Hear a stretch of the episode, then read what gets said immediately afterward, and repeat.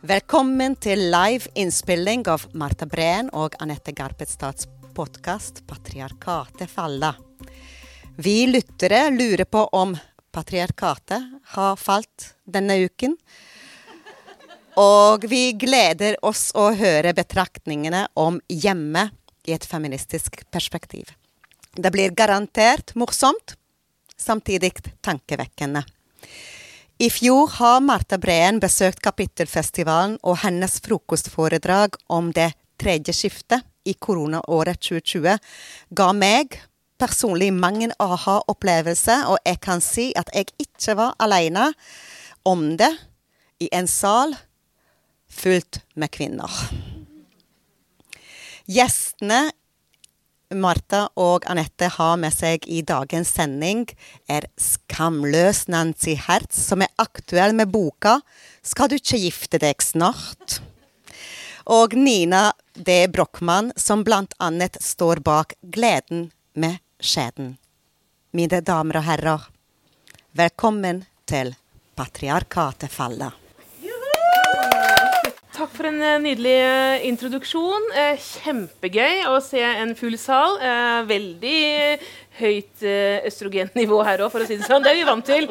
Ja, men det var jo sånn På Lillehammer også, så hadde vi da tre menn i salen, hvorav én var lydtekniker, så vi kjører med samme modell denne gangen. Det er Velkommen skal alle være. Ja. Det er helt topp. Og vi har jo, som dere har hørt, med oss gjester. Det er andre gang vi har gjester i livepoden.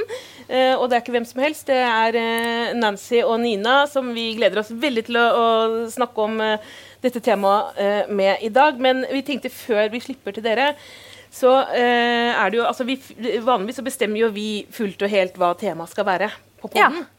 Eh, og det, det, spriker jo i alle retninger, som dere vet. hvis dere hører på Helt fra klitoris til livmora til eh, Altså, det er ikke så bredt, da. ja, det er mye klitoris, mye livmor, altså, men det er også en del historie, og det er en del uh, dagsaktuelle temaer. og det er litt diverse, men ja, nå er det et eh, tema. Ja, og det temaet fikk vi da uh, av festivalen. Det er hjem. Og så tenkte jeg at vi skulle begynne alle sammen her da med å bare først tenke Hva var det første uh, vi tenkte på, Hva var det første du tenkte på Annette, når du fikk beskjed om at temaet for sendingen skal være hjem i et feministisk perspektiv? For da kommer det masse assosiasjoner. Det er et kjempebredt ord, egentlig. Mm. Hva tenkte du på? Altså, umiddelbart når jeg hører 'hjem', så tenker jeg på huset vårt på Indre Helgeland. Det er mm. egentlig det. Selv om jeg ikke der hvor har Der hvor jeg bodde de første tre årene av mitt liv. Mm. Men uh, i et feministisk perspektiv, så i forlengelsen av det bestemor. Ja. ja. Fordi hun var feminist? Nei. Nei. Absolutt ikke. Så det er kanskje akkurat derfor. Men hva med deg? Hva er det første du tenker? Jeg tenker jo umiddelbart på Aristoteles, selvfølgelig. Gjør alltid det. Nei, men altså, ikke sant? I feministisk historisk perspektiv så er jo hjem og frigjøring motsetninger, egentlig. Historisk sett så har hjemmet vært kvinnens naturlige habitat. Det har jo på en måte alle Eh, kirkefedre og vitenskapsmenn og filosofer hevdet at eh, det er der en anstendig kvinne skal eh, holde seg og oppdras til å, å, være. Og så er det de kvinnene da som jeg har skrevet om i noen av mine bøker, da, det er jo de som har vært de første til å bryte ut i offentligheten. Eh, og med de omkostningene det, det har eh, hatt. da. Fordi offentligheten var et sted for menn. Eh, kvinner som gikk ut eh, og snakka offentlig, ble jo, altså Ordet 'offen' kom jo liksom av å være ikke privat, være åpen for alle. Det var rett og slett En offentlig kvinne på 1800-tallet ble jo sett på som en prostituert. Mm. Altså Du mista all ære. Så det var så, så veldig mange Så, så, så jeg, det er jo Ja, jeg tenker jo så, så, trist som det. Og så tenkte jeg Men det er jo litt synd liksom, hvis hjem bare skal være et kvinnefengsel. Ja. Vi må løfte det litt, uh, litt mer i andre retninger. Og da tenkte vi at vi kunne da begynne kanskje med deg, Nancy, fordi det er jo også noe du skriver om i boka di, uh, og disse kulturelle forventningene om at hjemmet skal være stedet lykken eh, skal søkes, da. Mm. Ja, det, det, er det jo eh, i min bok. Jeg har jo skrevet en bok som heter 'Skal du ikke gifte deg snart?' Og det er jo på en måte en oppfølger av den første boka 'Skamløs', som handler om mange av de samtalene og kranglene og den uroen da, som jeg har hatt sammen med mora mi, eh, som følge av at jeg har vært ute i offentligheten og f.eks. sagt ting som at jeg aldri skal gifte meg. aldri skal få barn, aldri skal slå meg til ro. Så må det jo sies at nå bor jeg med samboer og to bonusbarn i en tomannsbolig og kjører SUV, så det gikk ikke så bra. Eh, men den kampen da mellom å gå ut og si at dette vil jeg ikke være med på, eh, og så prøve å finne ut av det på dine egne premisser, eh, det syns jeg er veldig aktuelt å snakke om her i dag. Mm. Men uh, dette med når du sier uh, altså, du, du, sa det til moren din, da ikke i offentligheten med det der at du aldri skal få kjæreste? Eller har du, har du sagt det i offentligheten òg? Ja, det har jeg. Ja. og så sa jeg det òg til kjæresten min. Det var det første jeg sa til han da jeg møtte han. så, så, jeg var jo veldig på at Men, jeg skal være fri, og nå skal jeg aldri binde meg til noen. Nei, og da tenker jeg at det, det må jo komme fra et sted. Jeg, jeg minner jo om altså Mary Wollstonecroft også gikk ut i 15, når hun var 15 år og sa 'jeg skal aldri gifte meg'. For det var jo den eneste forventningen som ble stilt til henne.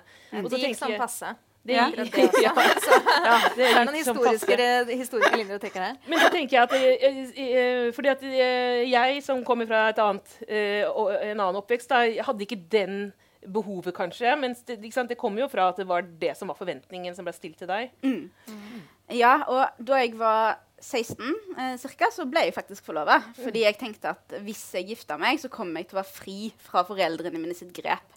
Jeg tenkte at eh, jeg eh, ikke ville at mamma og pappa skulle ha kontroll over livet mitt. Og så tenkte jeg at jeg ville kline uten å være redd for å brenne i helvete. Mm. for det var noe som jeg eh, trodde kom til å skje.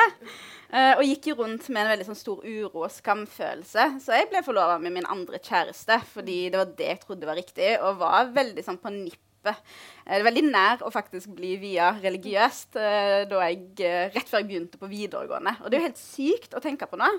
Og det er jo pga. det kulturelle presset.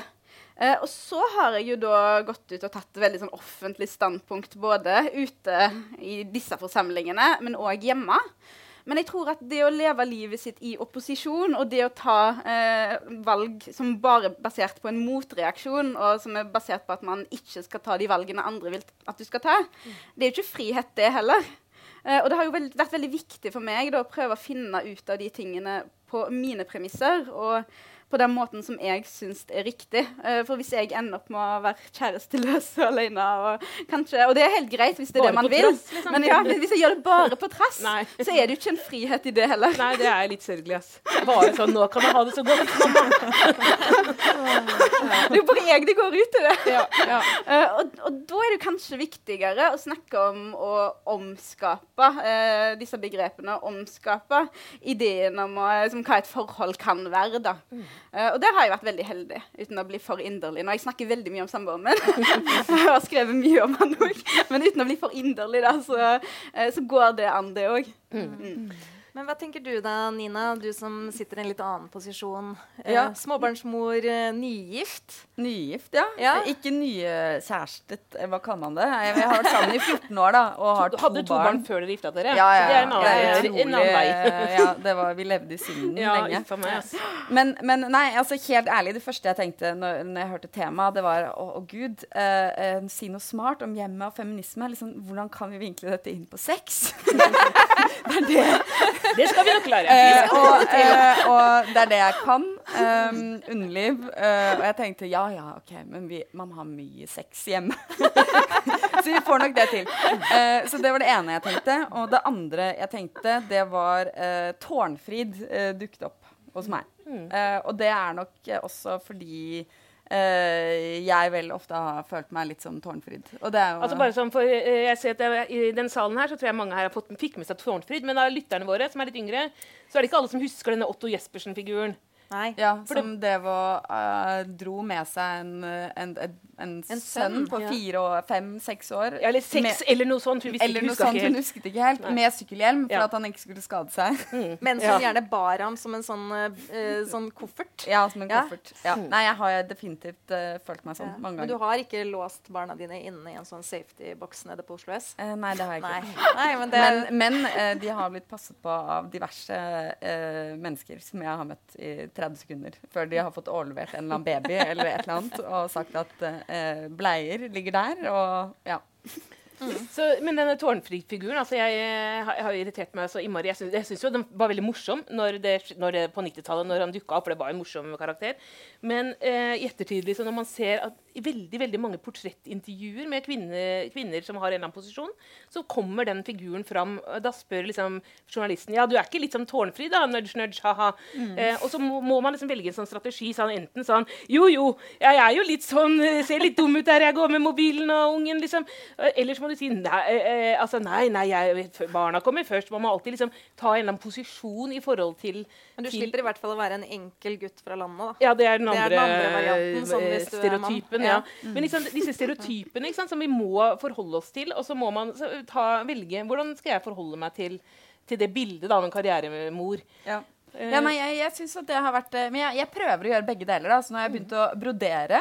Uh, uh, så jeg broderer alle ullgenserne til barna som har møllhull.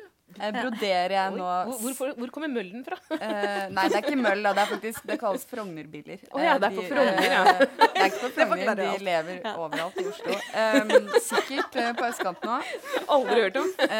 Men i hvert fall Nei, så nå har jeg begynt å brodere, og jeg lager også det, Jeg lager all mat ja. hjemme hos oss. Jeg er også jeg, jeg, Ja, det, det tredje skiftet, det, det er noe som taler til meg.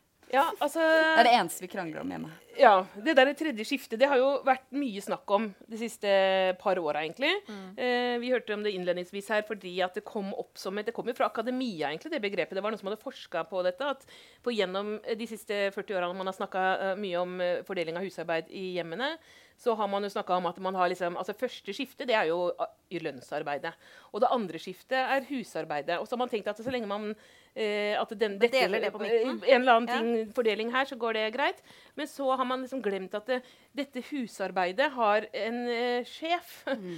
Det har administrasjonsminister, som jeg liker å kalle det hjemme hos oss. Ja. Mm, og det er meg. Ja. ja.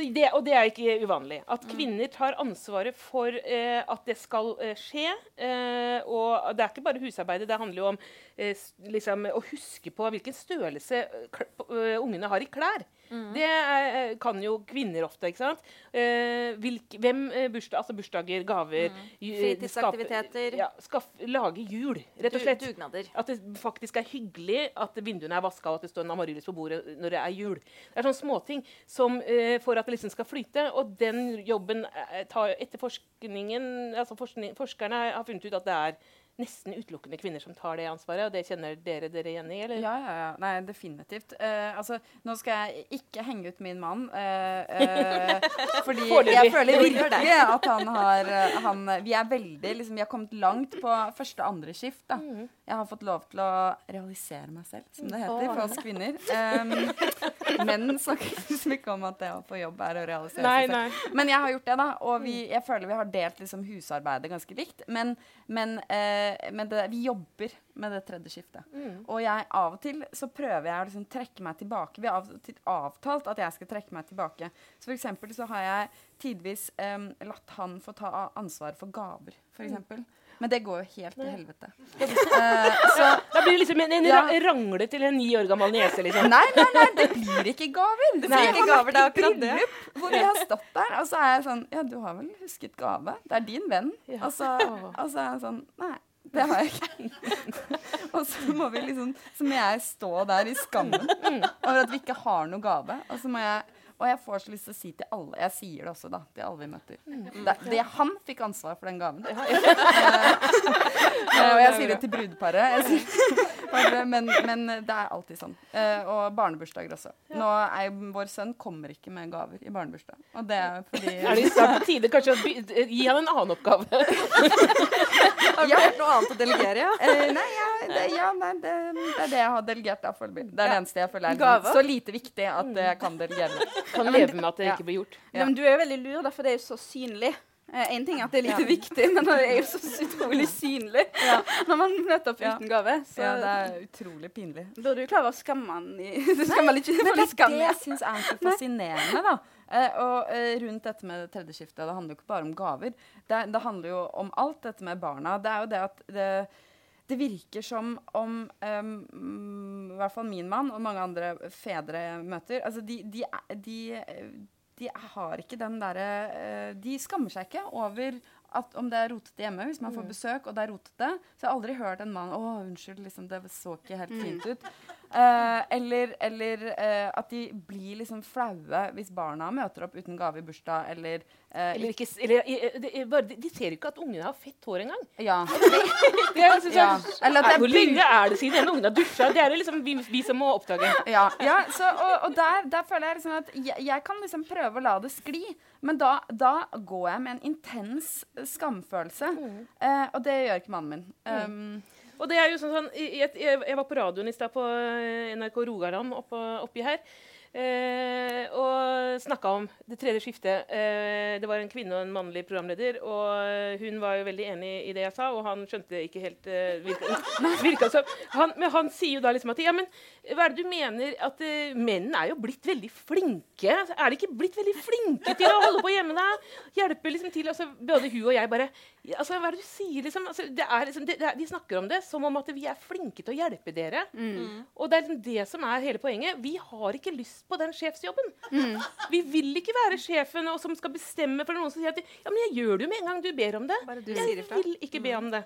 Uh, og hvor liksom, de kan gå over Det er jo dette trappesystemet også, som alle kvinner forstår. ikke sant? Hvis du bor i en, uh, har to etasjer, så vet du at hvis det ligger noe i trappen, så skal du opp! Ja. Og motsatt. Men da, yes, du, dette jeg skjønner ikke, de bare skritter over. Ja, I går jeg sa dette Vi har masse trapper, vi har tre etasjer. Og jeg sa det til mannen min sånn ja, men Det ligger fem esker midt i trappa. Mm. Hvor skal ja, Men jeg vet ikke om de skal opp eller ned.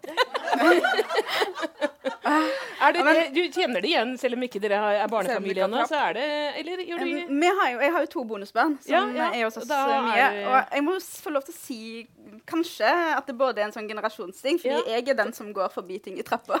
Ja.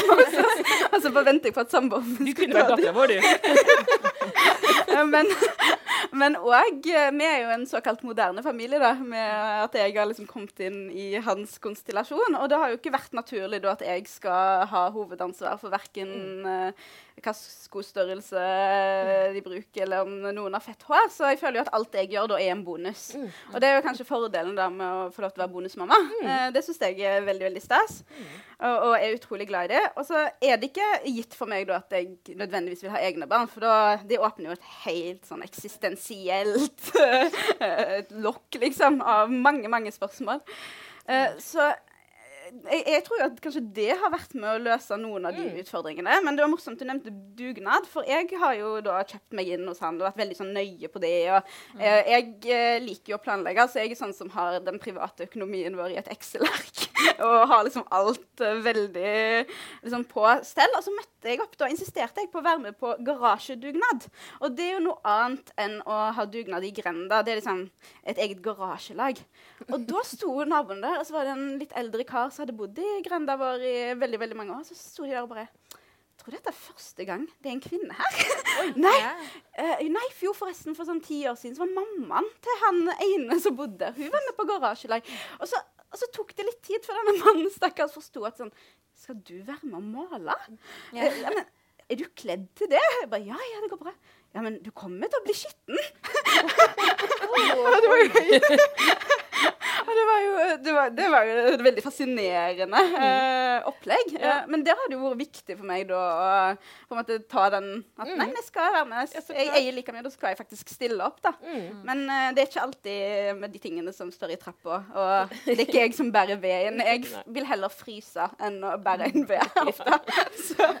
ja, men det, er jo, med, det, det, var jo veldig kjønnsstereotypt i dette garasjelaget, da. Og, ja. og, men, men, det er nok helt typisk, og jeg tenker at det kan gå andre veien nå, at mm. menn kan få ganske mange rare blikk hvis de møter opp eh, på at ja, men det pleier jo bare å være kvinner som steker stikker vafler her. Altså, sånn at det er jo på en måte vi, gen, Dette blir reprodusert i, i, Selv om vi på en måte prater om det litt på en annen måte, så klarer man allikevel å, å antyde at noen er på feil sted eller gjør eller feil ting. Og det handler jo også om det der med at uh, du får Eh, jeg har alltid fått høre veldig mye at mannen min er så flink. da. Han er så mm. flink med ungene, og man, man, viderebringer denne skryten til han. Det er ingen som har sagt at jeg er flink. Og jeg er, er der minst like mye. Du er veldig flink med bil. Ja, ja, jeg kan kjøre bil, i hvert fall. det kan ikke han. Men, uh, men uh, utover det Nei, men altså, sant, det der, den, den, typen ting at vi, vi må nok også selv uh, bevisste feminister mm. bidrar til å reprodusere dette her med måten man snakker på. Og jeg kan ta meg selv i å gjøre det også med, overfor døtrene mine. Mm. Liksom, så, så det, er, det, det, tar veldig lang tid før mm. liksom vi ja, og det tror jeg også er akkurat Det leser jeg i, i din bok, Nancy. Det er liksom med hvordan din mor forholder seg til sin mor. Mm. Og så tar de samme tingene videre til deg. Så er det jo også hvordan vi eh, kvinner viderefører de patriarkalske reglene. Og det er jo vi som legger på oss at vi skal skamme oss for ditt og datt. For det har jo vi sikkert plukket opp fra våre både mødre og bestemødre. Mm. At man skal ha ting på stell, og man skal ha med en gave når man kommer i bryllup. Og man skal ha jul, og det skal Men igjen så er det jo klart at det er jo det ansvaret de har tatt på seg og sørga for, da. Ja. Mm. Uten at de nødvendigvis da hadde en fulltidsjobb mens de gjorde det. Mm. Så mm. Ja, ja men uh, det syns jeg uh, Dette er jo noe som jeg har tenkt uh, mye på nå i sommer, og bl.a. lest Linn Stalsberg, mm. som har skrevet 'Er jeg fri nå?' Ja. om tidsklemma i, i Norge. da. og noe av det som jeg satt igjen med, var den der tanken om at OK, ja, men hvis folk av alle kjønn da jobber, og alle to personer i en parkonstellasjon er, er ute og jobber, så er det jo ikke sånn at husarbeidet forsvinner. Og man har jo på, i, på, mange måter da mista husmoren uh, og husmorrollen. Uh, uten at husarbeidet og det som uh, på en måte var, var hennes rolle, da, har forsvunnet i det hele tatt.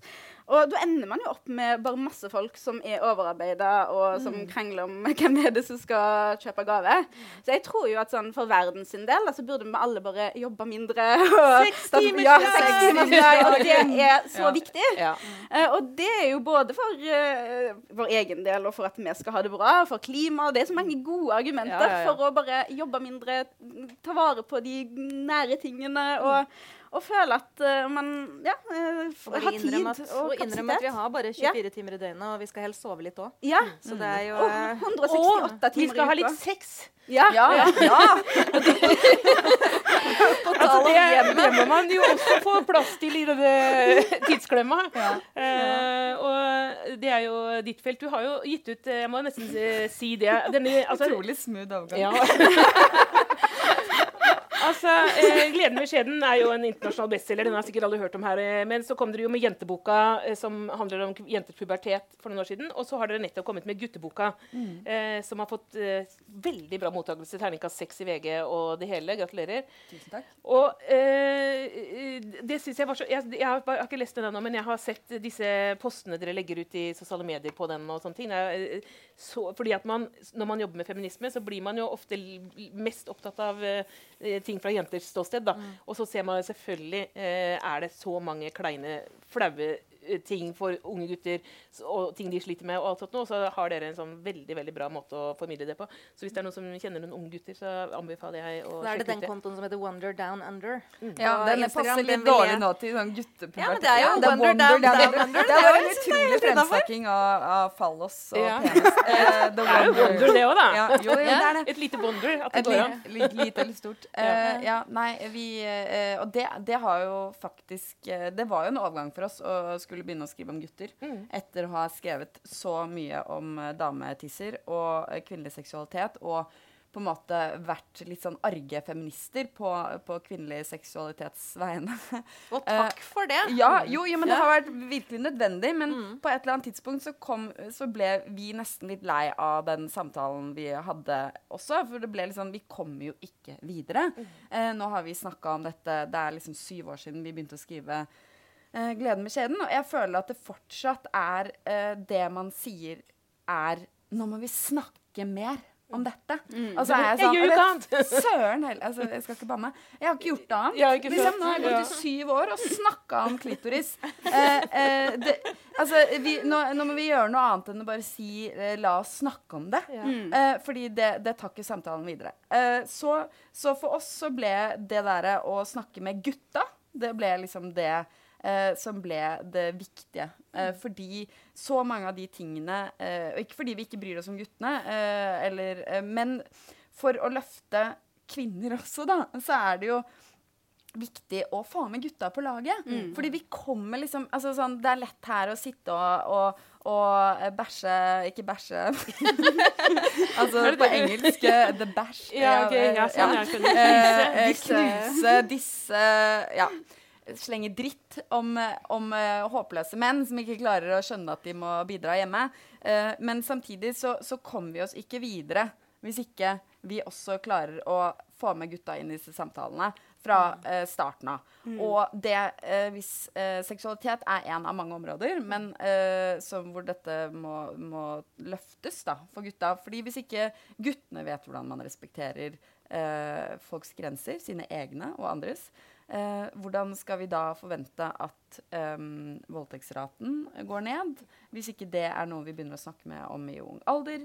Uh, hvordan skal vi forvente at kvinner får uh, flere orgasmer i senga, hvis ikke vi snakker om nytelse og klitoris og uh, gjensidig respekterende seksualitet fra de er 10-11 år og før de blir tatt av pornoen? ikke sant? Mm, mm. Så, så, for meg så er det blitt mer og mer åpenbart at liksom, hvis vi skal komme videre, så er det gutta vi må snakke med. Um, veldig enig, Nancy. Ja, jeg vil jo eh, støtte den og si at for gutter og menn så er det jo utrolig trange eh, kjønnsroller. Mm. Eh, og bare det å være en eh, En ting er jo at vi sitter her og kan, eh, som du sa, eh, si at menn må ta seg sammen, men det er jo veldig mange menn som gjør veldig veldig mye bra. Mm. og så snakker vi om de, de da som kanskje ikke helt ja, det er morsomt å le av de, ja. liksom. Ja. Så, er det, så er vi jo, burde man jo selvfølgelig Eh, men, men, så er det skummelt også å si at de andre er flinke, da. Ja, ja. For man, det er jo bare det vi forventer. ja. Man, ja, men ikke sant. Og så er det jo noe med at uh, når man da sier at uh, Nei, disse gutta er dårlige eller disse gutta er flinke, så setter vi jo standarden ganske lavt. Og så tar vi det for gitt at standarden er liksom der nede, og så er alle andre som gjør noe bra, bedre, eller alle de som gjør noe dårlig, langt under. Men eh, poenget mitt var bare at de, rollen, de, kjønnsrollene er jo utrolig trange for gutter og menn òg. Og det å være en deltakende far, det å være en, eh, en pappa som eh, lager all maten hjemme, det å eh, ønske å bidra på en annen måte Det er ikke alltid det blir tatt like godt imot, det heller. Eh, så der har jo vi et ansvar for å utvide dette rommet enda mer. Mm. Og, og snakke om oss.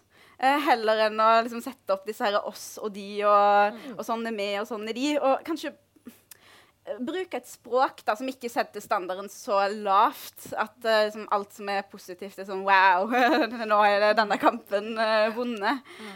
Um, så, så, det tror jeg ja, kanskje er en vei videre, da. Mm. Ja. Mm. Så det er én ting jeg uh, jeg, jeg, vet ikke, Det var sånn jeg nesten ikke orket å skulle snakke om det, for jeg vet ikke helt hva jeg egentlig mener om det. Men, men det er dette her med uh, mammaperm mm. uh, som jeg merker at jeg, jeg har litt problemer med. Uh, fordi jeg føler at mange feminister i dag, og unge kvinner sånn som meg, som har fått barn nylig og sånn, at det har blitt en slags sånn ny fanesak, feministisk fanesak. Det der at man skal liksom få lov til å eie um, uh, eie barseltiden og få liksom eie morsrollen. Um, og jeg syns at det er vanskelig å akseptere det liksom fullt ut, fordi da stenger man jo ute pappa. Mm. Uh, og, og, og, jeg liksom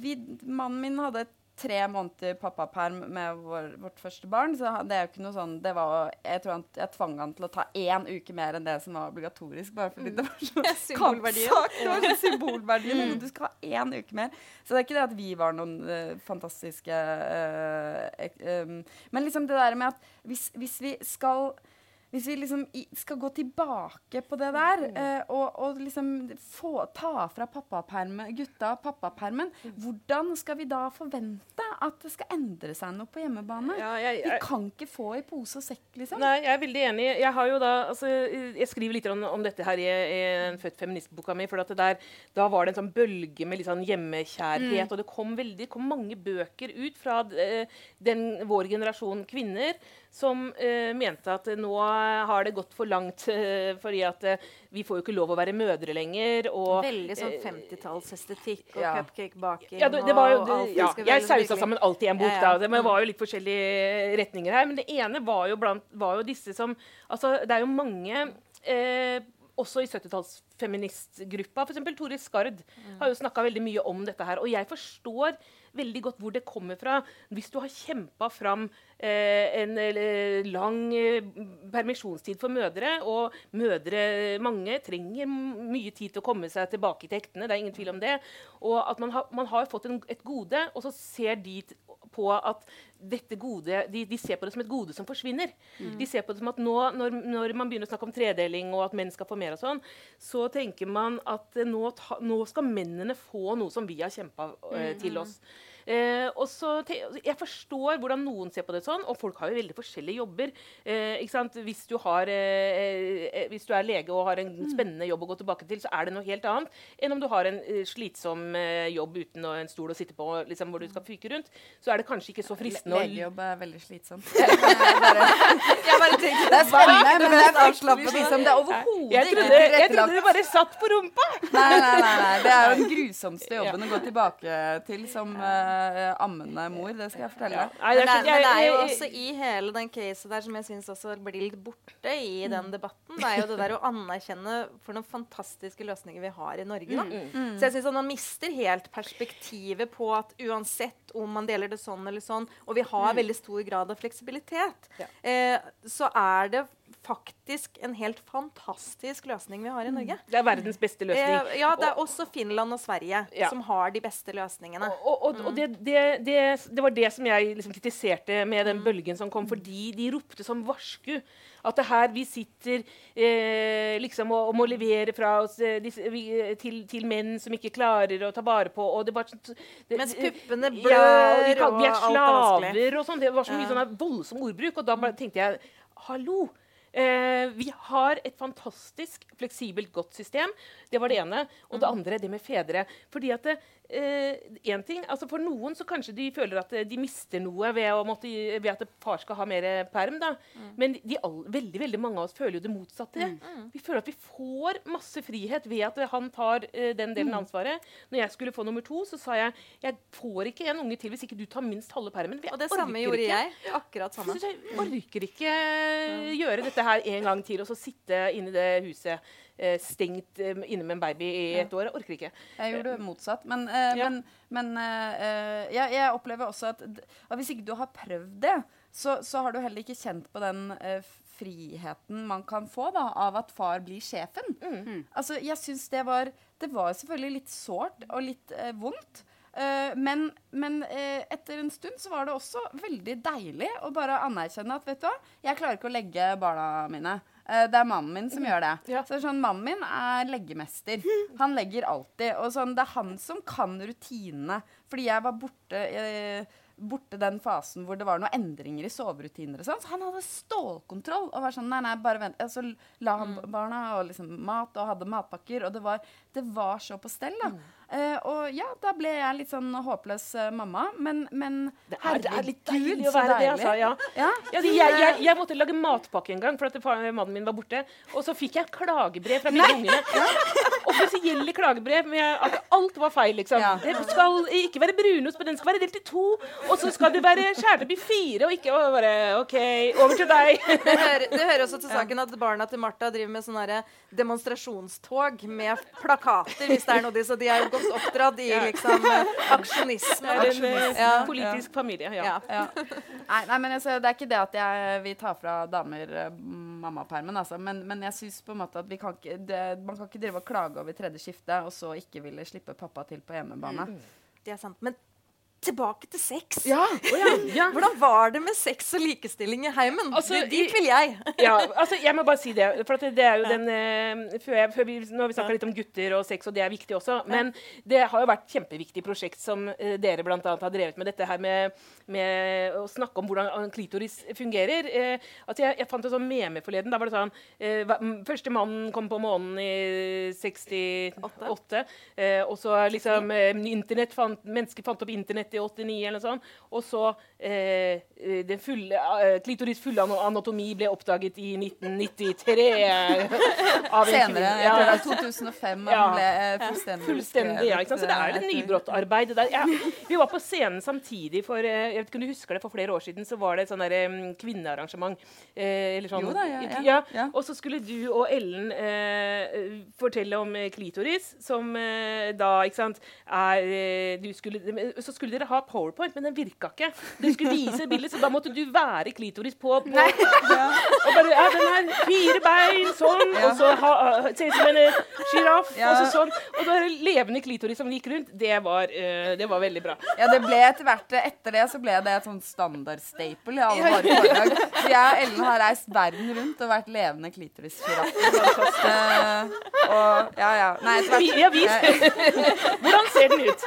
Ja, nei, altså, Man må stå litt sånn, da, for den har jo litt kortere bein foran. Uh, og så er det hodet, og så er det uh, en hette foran. Så etter hvert så utviklet vi det egentlig til å bli mer sånn um, dronning Elisabeths hester. For de har sånne skylapper, ikke sant. Det er liksom forhuden til, til klitoris som dekker den litt. Sånn at de, og så er det de korte beina foran, og så litt sånn tjukkere bein bak der. og så kan du stikke ting inn her. Ja.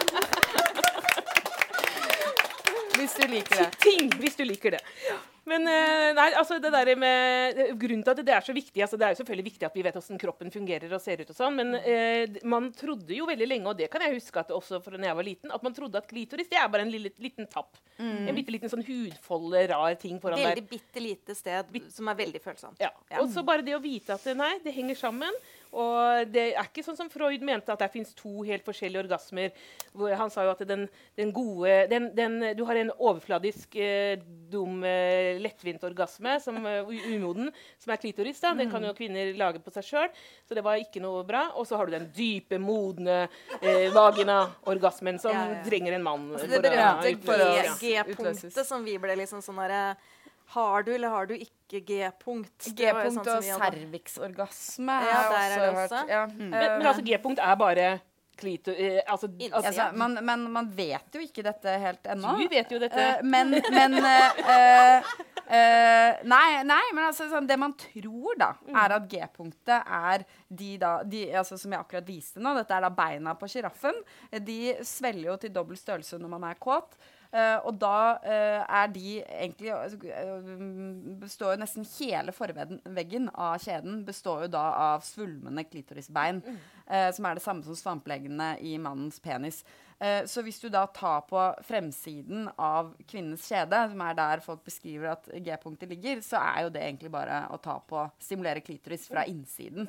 Um, så, så, det er jo det som gir mest mening. Um, så ja. Det er den ledende teorien. Ja, men da fikk vi snakka om det ja, denne dere ville ha litt ja. Da tenker jeg også på sånn som med deg, Nancy, som har da kommet fra en bakgrunn hvor det å snakke åpent mm. om denne type ting eh, ikke skjedde mm. i noe særlig grad. Hvordan tenker du liksom at den informasjonen nå Altså, Hva tenker du om den nå? Jeg snakket om sex på Sommer i P2 i sommer, og var jo, nevnte jo bl.a. boka til Nina og Ellen. Uh, og jeg husker jo at uh, da jeg fikk den da, det, Var det ikke 2017 den kom ut? Jo. jo. Da var jeg ganske sånn tidlig i 20-årene. Og så bare innså jeg at shit, det er så mye jeg ikke vet om min egen kropp og mitt eget underliv. Mm. Uh, og så skulle jeg ønske jeg hadde lest boka deres da jeg var 15-16. Samtidig så tror jeg ikke jeg ville trodd på dere. Jeg hadde tenkt sånn ja, men Nina, hva vet hun om hvordan det er å være meg? folk som meg, vi har ikke sex for å få barn. Det er bare folk som lever i synd, som gjør det. Mm. så jeg ville nok klart å sno meg rundt det mm, ja. på en eller annen måte og tenkt at nei, men dette angår ikke meg. Mm. Uh, men det å, å, lese boka deres og lese eh, liksom, om alt det som er vanlig For jeg tror det mange av oss trenger å høre. At uansett hvordan du ser ut, uansett uh, hvordan det ser ut der nede, uansett hvordan, du, liksom, hvordan, det er, så lenge det ikke gjør vondt, så lenge du ikke har det, har det ille, så er det helt normalt. Mm. Og det viser jo boka deres. Og jeg er så utrolig glad for den jobben dere gjør. Eh, for den kunnskapen og normaliseringen av underlivet og kroppen, og ikke minst kvinnekroppen, da, den er så sabla viktig. Og det er så mange som trenger å høre det. Og jeg møter jo stadig kvinner som ikke vet hvordan det ser ut der nede. Uh, og det har jo sikkert du uh, ja, gjort ja, masse. Ja, ja, herregud. Men, uh, men for oss, altså sånn Hvis man skal trekke dette opp mot mm. det prosjektet du har hatt i stor grad, da, det siste med seksualitet mm. og og, og minoritetskvinner, uh, mm. så, så, er jo Det var jo jomfruhinna mm. som liksom var det som virkelig mm. tente engasjementet i, uh, hos Ellen og meg. Uh, og det er jo Altså, vi elsker også klitoris, mm. og det er veldig gøy å snakke om klitoris, men er det noe som virkelig gjør meg rasende, mm. så er det så er det jomfruhinna og, og de om mytene om jomfruhinna og de konsekvensene som som, um, som, Og dette kan jo selvfølgelig kobles til hjemmet, fordi det mm. handler om nettopp det å skulle bli gift, og at uh, i veldig mange kulturer fortsatt så er, så er det å gifte seg og det uh, å bli gitt bort til en mann og få lage mm. sitt eget hjem, det er den eneste måten å få frihet på også. For det er den eneste måten du kommer deg ut fra ditt eget hus og primærhjemmet, ditt. Um, uh, og at det da Uh, at muligheten din til å gjøre det er så knyttet til om du blør første mm. gang du har sex eller ei. Det er, uh, når det da bare er basert på anatomiske misforståelser, så, så mm. er det så som Fordi, lege da, så er det så utrolig bittert. De fleste bittert. som hører på dette, vet sikkert om dette, men vi kan jo nevne det likevel. Ja, det altså, ikke... Jomfruhinna er jo ikke en hinne, mm. uh, og det er ikke noe som jomfruer har. Det, det, kan jeg love dere. Jeg har undersøkt en haug med kvinner som har født, og kvinner som har fett, har også en jomfruhinne, men mm. eh, den kan se litt annerledes ut selvfølgelig etter at du har skvisa ut en fire kilos unge. Um, men, mye som men, ser annerledes ut enn det. ja, mye som ser annerledes ut. Uh, hva er var opp og ned her? Uh. Men i hvert fall så, så, er det mest som oftest så ser det ut som en halvmåne som ligger på nedsiden av, av skjeden, altså ned mot rumpehullet. Uh, og det kan hos noen så kan den ha liksom, deler som krysser, sånn at det ser litt mer ut som en Ø. Og da kan det hende at det er noe som må ryke for at du skal få en tampong eller en mm. penis mm. eller en dildo eller hva du vil oppi tissen. Um, men for de aller fleste så er det jo da et stort hull, og det er elastisk. Vi liker å sammenligne det med en hårstrikk. ikke sant? Som kan, mm. Scrunchie. En scrunchy. uh, en god gammeldags 80-talls scrunchie som kan utvides mm. og akkommodere en penis eller alt mulig annet uten å ta noe skade. Mm. Så, så, det gjør jo at de aller fleste kvinner eh, kan ha sex både uten at det gjør vondt, og uten at de blør første gang de har sex. Mm. Så som oftest så er jo eh, en blødning eller smerter ved første samleie vil vel så ofte kunne handle om at man rett og slett ikke er tent nok. Da, at man ikke har brukt lang nok tid på for, mm. eh, forspill og kanskje ikke brukt noe glidemiddel eller noe sånt. Men, men, jeg tenker på det med, sant, Dette er jo det tekniske. At, mm. Eh, og så ser vi for oss altså er, I mange land så er det fremdeles en sånn fysisk idé, og at du faktisk eh, ser etter blod og sånne ting. Men eh, jeg tenker at i, det er vel vel så vanlig kanskje at det handler mer om bare at man vet selv at man er mm. jomfru, mm. eller at, at, altså, ikke om du, hvorvidt du er det eller ikke, men altså, mm. at man skal være jomfru. da. Mm. At man ikke skal ha sex før ekteskapet. Og den, det føler jeg jo at vi kanskje på en måte er litt Den ideen er vi ferdig med her oppe, mens det kanskje er mer relevant i, mm. i det miljøet som du vokste opp i? Eller at man det, snakka om det, liksom? Ja, både og. For det, jo, det er jo mange som har tenkt at de tingene som vi har snakket om, at det gjelder jo bare jenter som har etnisk minoritetsbakgrunn. Mm. Men uh, jeg har jo vært f.eks. på turné i Agder. Uh, og det, man, skal ikke, man, skal, man, skal, ikke, langt uh, før mange av de ideene fortsatt eksisterer. Og mm. sikkert her uh, i området òg. Du skal ikke ta toget så veldig langt før uh, det, det, er folk som sitter og kjenner på de tingene. Uh, og det er jo uh, sosialt konstruerte ideer. Uh, og selv om uh, vi heldigvis har kommet langt, så er det jo sånn at kvinner ikke, En ting er jo at man risikerer å ikke bli gift og ikke bli fri, men man risikerer livet bare ved mistanken da, om at man har hatt sex utenfor ekteskap. Mm. Og alt annet, da, alle de andre begrensningene, blir jo da en liksom, de, de, eksisterer jo fordi de skal forhindre at du mister den såkalte jomfrudommen. Mm. Uh, og da blir jo både det å ha kjæreste, det å holde hender, det å tenke at noen andre er deilige, det blir da en sånn slippery slope til at man potensielt har sex. Og så blir du liksom skjerma fra det. Eh, jeg uh, tenker jo sjøl at det ofte funker mot sin hensikt. Det gjorde det for meg. Jeg tror kanskje jeg ville venta med mange liksom, I hvert fall min debut, eh, og i hvert fall flere av de erfaringene som jeg har hatt, ville jeg kanskje ikke hatt hvis det ikke hadde vært for det der presset. Eller trassen. Ja, og trassen. Mm. Eh, så jeg tror jo at eh, pga.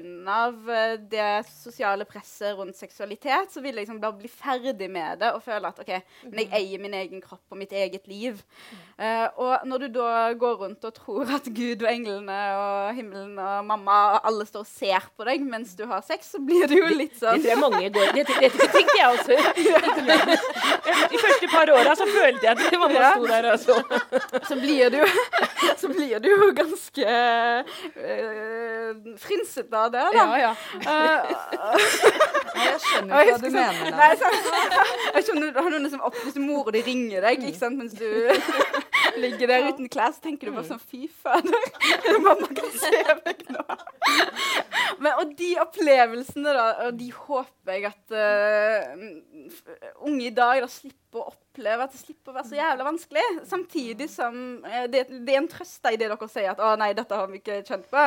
Det er jo ingen som ikke har et litt uh, fucka sexliv eller et litt uh, ikke, vanskelig ja. forhold til familien sin eller til seksualitet eller til alle disse tingene. da. Om, ja. Man er normal, og man er vanlig selv om man har vanskelige opplevelser. Ja. Det er definitivt det vanligste, tror jeg. å mm. ha det litt vanskelig på dette. Så er det ikke noe tvil om at det også hjelper å ha noe tilgjengelig informasjon som mm. ikke er Internett. Mm. Så, som, eller porno, tenker eller på. Ja, ja, da tenker jeg direkte på porno. For det er mm. liksom noe med at, uh, at uh, unge i dag faktisk har noe de kan gripe til som faktisk gir deg riktig informasjon. Mm. Så det er i hvert fall så, så, alle mine både to barn og to bonusbarn vet akkurat hvor både 'Gleden med skjeden' står, og 'Jenteboka' og 'Penisboken'. Og Pornhub! Og Pornhub! Ja. Mm. det vet de, men det har de på sine egne sider. Eh, og da får de en guide i gutteboka. Uh, det glemte vi å ha med sånn veldig mm. konkret i jenteboka. Da, hva, hva, som er feil med porno. Mm. Ja. Hva som ikke stemmer. Men det er i hvert fall for det blir den neste boka mm. som skal anskaffes. Bare lag en plakat. Ja. Mm. å lage en stor plakat med alt som er feil med porno. Ja. Ikke sant. Skal holde på med det en stund? Ja, klokka snart uh, Ja, vi har, uh, vi har, holdt på en, uh, en, god stund nå. Ja, så. men uh, det var ikke det jeg lurte på. Oi, oh, ja. ja. ja. så da er det Sigrid Undset. ja. Det var På Lillehammer så var vi, nærma vi oss avslutningen. Og så, eller vi, fikk, vi, var egentlig over tida, og så hadde vi et helt tema igjen. Sigrid Undset. Og så bare rekker vi å ta Sigrid Undset på to minutter. Og vi fant ut at nei, det var vi kanskje litt uh, i overkant. Vi men vi, vi, rakk litt, faktisk. ja. Så, men, uh, men, det nærmer seg slutten. Vi Jeg vet ikke akkurat om patriarkatet falt i kveld heller. Helt. Det har jo Det er veldig standhaftig. Det er veldig standhaftig, dette patriarkatet. Har vart i noen tusen år. Men liksom, jeg tenker jo mer vi får det til å vakle eller rugge litt, så Eh, så faller det jo etter hvert. Det hadde vært veldig gøy om det falt i Stavanger. Ja, ja. Det, det, er, det, kan godt starte her. Akkurat Stavanger, liksom. Ja. Altså, det, liksom, det, blir kanskje ikke sett på som den mest radikale byen i, i landet. Selv om Ot Ottar er jo herfra. Det er veldig bra. Ja. Elise Ottesen Jensen fra, Jensen fra, Sandnes. Så det er definitivt et miljø. Men, men jeg, hadde, jeg, føler liksom at vi, før vi drar fra kapittel, eh, mm. skal Vi må gjøre, jobbe litt mer med saken. Men rekker vi pandemi på 15 sekunder? Pandemi. Ja. pandemi på 15 sekunder. Vi kan ikke snakke om hjem og feminisme og i disse tidene, uten å snakke om at det siste året så har jo mange av oss kanskje blitt mer hjemmekjære. Vi har trukket oss litt tilbake. Jeg merker jo sjøl at jeg har blitt tidenes mest sånn hjemmekjære person og hater å være ute på tur og alt det der. Men eh, verden over så jo, har det jo vært sånn at uh, for mange kvinner, både her i Norge og ute i verden, så har jo hjemmet, som skal være det trygge stedet, blitt enda mer utrygt. Og det er noe som jeg håper vi snakker mer om ved neste anledning. Det skal vi gjøre. fordi det er jo altså alle de Det, det tok jo bare noen måneder før man fikk mm. disse rapportene fra mm. FN om at uh, veldig mange kvinner var blitt sperra inne med sine overgripere, mm. og uh, veldig mange jenter ikke fikk gå på skolen osv. Mm. uh, og her hjemme hadde vi uh, våre egne mm. problemer mange, med hjemmekontor, og, og at det Ja, veldig mange kvinner måtte fordi det blir ofte at man, Hvis mannen har en litt viktigere jobb, synes han ofte, da, så, så, blir det han som får på en måte ro, hjemmekontoret, hjemmekontoret og så må faktisk. hun rydde plass til PC-en sin på, mens hun samtidig ja. Mm. Men så, voldsproblematikk gjelder jo absolutt i Norge. Ja, ja, absolutt. absolutt. Så, da er vel egentlig konklusjonen sånn La oss bare pray at dette her er over, sånn at vi kan, vi kan komme oss ut fra hjemmet igjen. Fra de hjem. ja.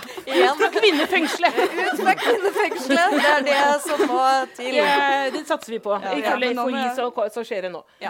Så da sier vi tusen takk for oss.